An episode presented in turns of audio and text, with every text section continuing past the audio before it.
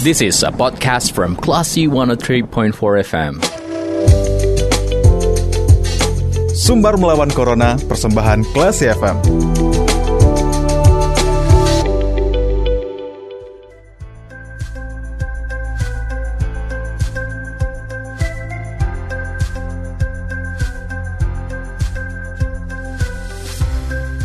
Empat kelas FM bersama kita lawan Corona. Class People, saatnya Anda kembali mencermati obrolan seputar perkembangan COVID-19 di Sumatera Barat yang dikemas dalam sumber melawan Corona, persembahan Yayasan Semen Padang, Semen Padang Hospital bersama saya Bimo Alvaro.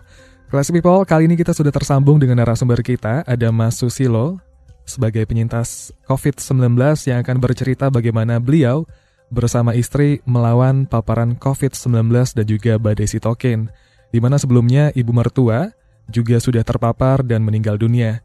Beliau dan istri mendapat COVID yang berat nih Classy People dan juga dinyatakan uh, terkena serangan badai sitokin dan juga mengalami momen ketika uh, narasumber kita dan istri itu nyaris menyerah dengan kondisi. Bagaimana cerita mereka melawan COVID-19 dan juga memotivasi diri melawan badai sitokin? Dan saat ini sudah tersambung via line telepon. Langsung kita sapa. Assalamualaikum, selamat sore Mas Susilo. Waalaikumsalam, selamat sore. Gimana Mas kabarnya sore hari ini? Uh, jauh lebih baik kondisi kesehatan saya dan istri. Alhamdulillah. Sebelumnya saya pengen ngucapin selamat Mas sudah dinyatakan uh, negatif dan juga istri sudah kembali pulang ke rumah ya dan juga berkumpul dengan keluarga. Kalau boleh iya. cerita nih Mas, kapan dinyatakan uh, negatif dari COVID-19 dan pulang dari rumah sakit? Iya. Eh, tanggal 13 Agustus, 12 Agustus ya. Hmm. 12 eh, Agustus saya swab di puskesmas dekat rumah di Aidingen gitu. gitu. Uh, terus akhirnya tanggal 13 keluar, hmm. uh, dinyatakan negatif dengan uji telu saya 12, istri ada 20 uji telunya gitu. Hmm uh, akhirnya uh, ya saya dirujuk pada salah satu rumah sakit uh, dianjurkan untuk isoman begitu. Mm-hmm. Tapi uh, isoman ada sekitar satu hari, kemudian kami tidak sanggup uh, melawan serangan COVID-19 yang kami derita. Akhirnya kami dirujuk, uh, kami ke kampung nelayan. Hmm. Di sana ada dua hari, Eh, kami ya karena peralatan tidak cukup di sana, istri sesak napas dan juga sesak napas, akhirnya kami dirujuk di salah satu rumah sakit terkemuka di Kota Padang untuk mendapat perawatan COVID-19. Okay. Uh, eh, saya dirawat ada hampir sebulan dan istri saya lebih dari sebulan. Hmm. Oke. Okay. Ketika di long COVID ya? Iya di ruang COVID 19. Long uh, COVID. Oke, okay. Mas, uh, ketika Mas uh, itu dirawat dan di karantina di Kampung Nelayan, itu uh, berapa lama Mas sebelum dirujuk ke rumah sakit? Uh, di sana hanya dua dua dua malam. Dua malam. Ya, hmm. satu uh, satu hari dua malam ya. Oke. Okay. Dan juga dinyatakan terserang badai sitokin. Ini ketik bagaimana uh, gejala yang Mas rasakan sebelum uh, dirujuk ke rumah sakit dan didiagnosa iya. badai sitokin? Ketika di kampung nelayan saya belum merasakan badai sitokin ya. Ketika, ketika saya perawatan hampir tiga hari di rumah sakit rujukan, hmm. saya terserang badai sitokin juga istri saya juga iya.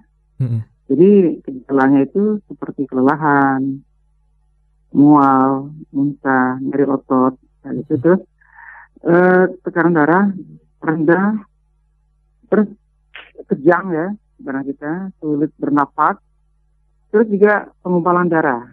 Oke. Okay. Jadi darah itu tidak encer ya, gitu gitu.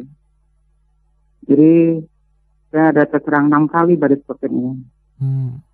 Juga sih juga beberapa kali kena terserang badai sitokin. Oke. Okay. Selama uh, di kampung nelayan, uh, bagaimana kondisi yang Mas jalani? Bagaimana kegiatan Mas selama di kampung nelayan? Apakah uh, istri dan juga Mas uh, masih terasa gejala yang dirasakan apa atau ada progres yang membaik sebelum dinyatakan badai sitokin ini Mas? Uh, di kampung nelayan, mm -hmm. kami berdua hanya merasakan sesak napas begitu. Oke. Okay. Tapi karena alat-alat tidak cukup, oksigen juga rusak di sana. Maka saya eh, istri dirujuk ke rumah sakit salah satu rumah sakit di Kota Padang. Hmm. Okay. Dan eh, terkena body stocking setelah pada hari ketiga dirawat di rumah sakit tersebut. Hmm. Okay. Itu dirasakan pada hari ketiga dat datang. Oke. Okay. Istri saya datang pada hari kedua. Ya. Baik. Uh, Mas juga menjelaskan kalau sempat uh, apa ya mem mendapatkan momen ketika Mas merasa ini rasanya sudah sulit dan ingin menyerah melawan COVID-19 dan juga istri pun juga merasakan hal yang sama. Bagaimana Mas bisa melawan uh, rasa putus asa tadi dan bisa mengembalikan semangat Mas dalam melawan COVID-19? Iya. Uh, pada hari kedua istri saya uh, dokter uh, menyebut bahwa istri saya kena baris tokin. Nah, pada uh, gejalanya itu saya rasakan dingin, terus saya menggigil ya, mm-hmm. menggigil uh, dari ujung kaki sampai ke kepala, tangan kaki juga sulit digerakkan begitu, dan sulit bernafas. Gitu. Pada hari pertama saya bisa lalui dengan baik. Kedua saya lalui dengan baik saya kira hanya demam biasa atau saya ya ada penyakit lain mungkin ya. Mm-hmm. Saya menduga seperti apa, malaria atau apalah gitu. Tapi pada hari ketiga eh, saya hampir menyerah Oke. Okay. Menyerah karena saya tidak uh, kuat lagi, maka datang dokter yang perawat dan saya diobat diobati, kemudian saya ya, hampir pingsan. Hmm. Jadi hampir pa, ya pasrah, uh, tapi saya tidak mau menyerah. Gitu. Hmm. Saya bilang pada Tuhan, Tuhan, jika kau menghendaki saya untuk kau panggil, saya ikhlas tapi karena karena pada semakin corona, saya tidak ikhlas untuk mati. Hmm. Tolong Tuhan saya diberi kehidupan kedua kali. Dan menjadi manusia yang lebih baik. Dan bilang begitu. Dan saya juga baca sebuah artikel ketika kita syarat atau sakit ya menurut agama yang saya anut uh, membaca surat al-ikhlas sekian kali dan al-fatihah sekian kali jadi pada hari ke empat lima enam saya baca. Jadi saya tumbuhkan rasa sugesti, rasa rasa ya, ya motivasi dalam diri saya bahwa saya bisa sembuh gitu. Mm-hmm. Saya tidak mau menyerah gitu. Akhirnya pada hari empat lima enam saya berhasil melawan pada sitokin itu. Mm-hmm. Okay. Dengan menumbuhkan rasa semangat tadi gitu. Oke. Okay. Dan juga di rumah sakit yang Mas uh, uh, tempati waktu terpapar COVID ini juga termasuk uh, rumah sakit yang banyak sekali pasien COVID lalu lalang uh, keluar masuk dan iku, dan juga uh, menjalani penanganan. Apakah dengan kondisi di rumah sakit yang selalu ada yang meninggal karena COVID atau mungkin uh, mereka yang apa ya drop ketika dinyatakan COVID-19 ini menjadi salah satu alasan juga Mas menyerah di saat itu? Uh, ya, pada awalnya saya memang drop ya karena rata-rata pasien yang dirujuk saat itu yang kelasnya sudah menengah ke atas ya, kelas beratnya ada yang menengah berat-berat sekali gitu kan. Hmm. Ya, hari saya melihat e, kematian begitu yang membuat saya ngedrop ya. Tapi saya percaya pada Allah bahwa e, kematian itu Tuhan, ya kan, hmm. yang buat kita mati gitu. Kita tidak tahu kapan mati itu datang dan tibanya gitu. Uh, ya, karena saya tiap hari melihat kematian, jadi terpanggil saya sok, kemudian saya menjadi semangat begitu. Saya tidak mau menyerah, malah kita saling share dengan para penderita COVID itu. Hmm. Ya, dengan menunjukkan rasa bahagia, bercanda gitu. Okay. Bahkan saya mendatangi orang meninggal itu. Hmm saya doakan mereka. Saya juga mendoakan pasien-pasien juga perawat dan dokter karena mereka sudah luar biasa berjuang ya hmm. untuk berupaya menyembuhkan kita dari COVID-19 dan baris COVID. Oke. Tadi Mas juga sempat menjelaskan kalau di tanggal 13 Mas dinyatakan negatif dan istri dinyatakan negatif tanggal 20 Agustus ya Mas ya? ya. Hmm. Jadi yang negatif duluan istri saya. Oh negatif duluan istri ya, negatif dan Misalnya lebih berat lagi sakitnya gitu. Oke. Okay. Dia ya dia harus dioperasi hemoperfusi mm-hmm. karena terjadi pengencangan darah ya. Mm-hmm. Karena baris protein kan kita darah kita mengumpal gitu. Okay. Jadi cuci darah dia gitu okay. di ruang ICU. Padahal kami kamar dan kemudian karena dia lebih negatif dipindahkan ke ruang biasa dan pindah ke ICU. Eh, saya dirawat, kemudian saya karena sikit selalu udah naik disarankan untuk isoman gitu. Jadi okay. lebih dulu saya pulang dalam status positif ya. Hmm. Oke. Okay. Gitu. Kondisi istri gimana nih mas sekarang? Uh, sekarang jauh lebih baik walaupun dibantu dengan alat oksigen di rumah gitu. Hmm, Oke. Okay. Tapi dia tidak mau ketergantungan dengan alat oksigen.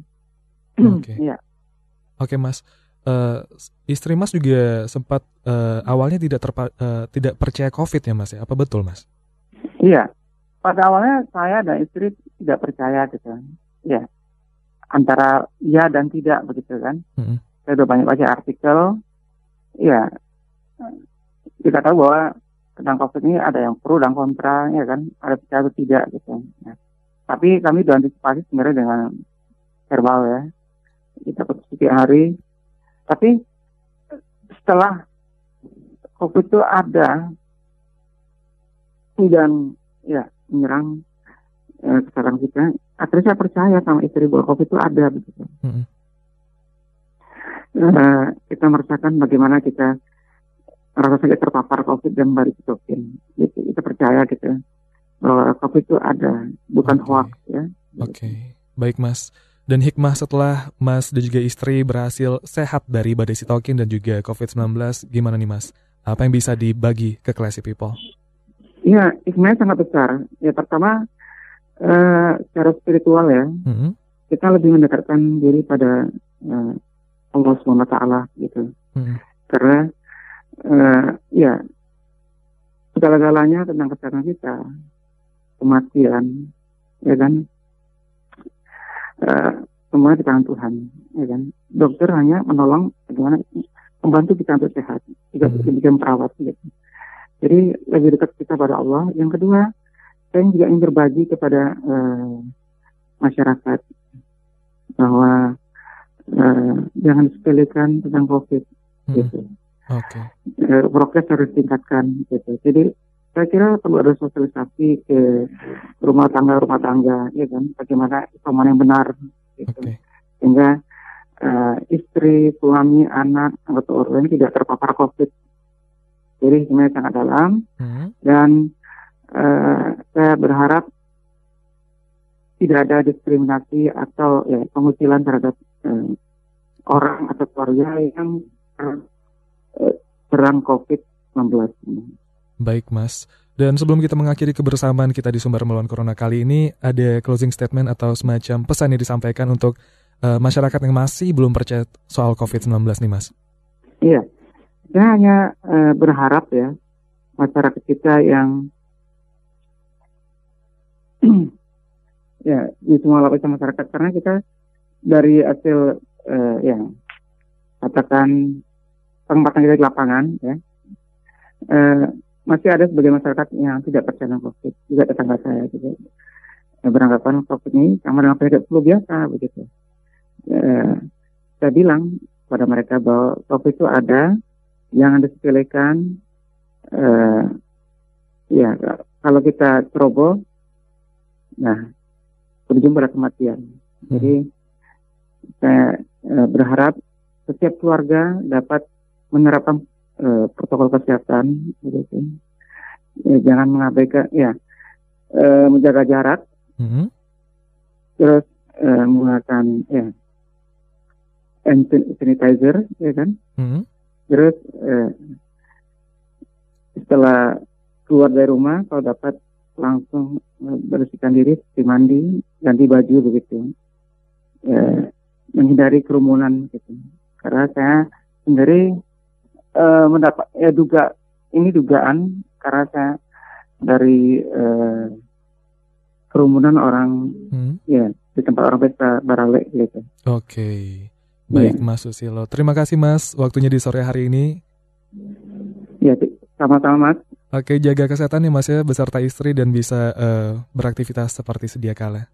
Iya. Sampai jumpa Mas. Assalamualaikum. Waalaikumsalam warahmatullahi wabarakatuh. Baik, Classy People, demikian sumber melawan Corona. Kali ini ada Mas Susilo yang bercerita bagaimana beliau dan istri terpapar virus Corona dan juga serangan badai sitokin. Demikian, uh, sumber melawan Corona kali ini persembahan Yayasan Semen Padang, Semen Padang Hospital. Kita ke program selanjutnya. Terima kasih. Anda sudah mencermati program Sumber Melawan Corona. Cermati podcast obrolan ini di www.classfm.co.id atau download aplikasi Classy FM.